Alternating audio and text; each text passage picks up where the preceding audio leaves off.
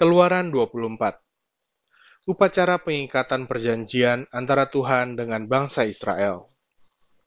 Berfirmanlah ia kepada Musa, Naiklah menghadap Tuhan, engkau dan Harun, Nadab dan Abihu, dan tujuh puluh orang dari para tua-tua Israel, dan sujudlah kamu menyembah dari jauh.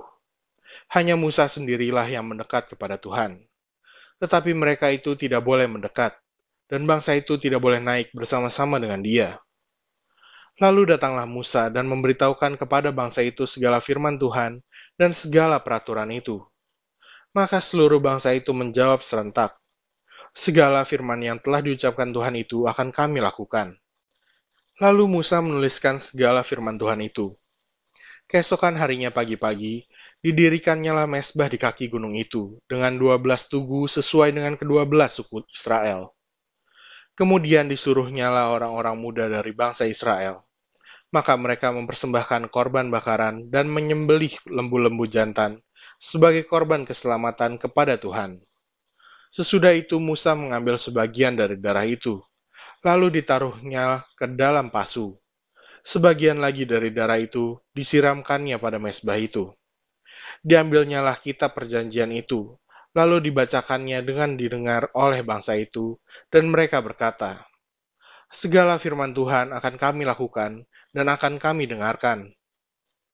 Kemudian Musa mengambil darah itu dan menyiramkannya pada bangsa itu, serta berkata, Inilah darah perjanjian yang diadakan Tuhan dengan kamu, berdasarkan segala firman ini.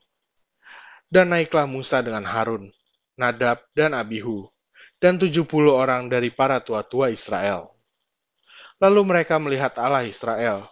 Kakinya berjejak pada sesuatu yang buatannya seperti lantai dari batu nilam, dan yang terangnya seperti langit yang cerah. Tetapi kepada pemuka-pemuka orang Israel itu, tidaklah diulurkannya tangannya. Mereka memandang Allah, lalu makan dan minum.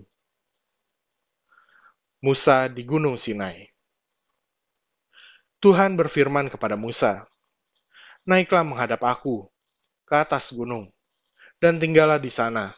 Maka aku akan memberikan kepadamu loh batu, yakni hukum dan perintah yang telah kutuliskan untuk diajarkan kepada mereka. Lalu bangunlah Musa dengan Yosua, abdinya. Maka naiklah Musa ke atas gunung Allah itu. Tetapi kepada para tua-tua itu ia berkata, Tinggallah di sini menunggu kami, sampai kami kembali lagi kepadamu. Bukankah Harun dan Hur ada bersama-sama dengan kamu? Siapa yang ada perkaranya, datanglah kepada mereka. Maka Musa mendaki gunung dan awan itu menutupinya. Kemuliaan Tuhan diam di atas gunung Sinai, dan awan itu menutupinya enam hari lamanya.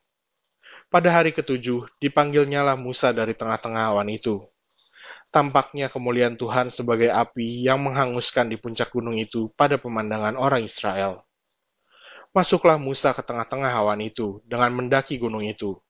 Lalu tinggallah ia di atas gunung itu empat puluh hari dan empat puluh malam lamanya.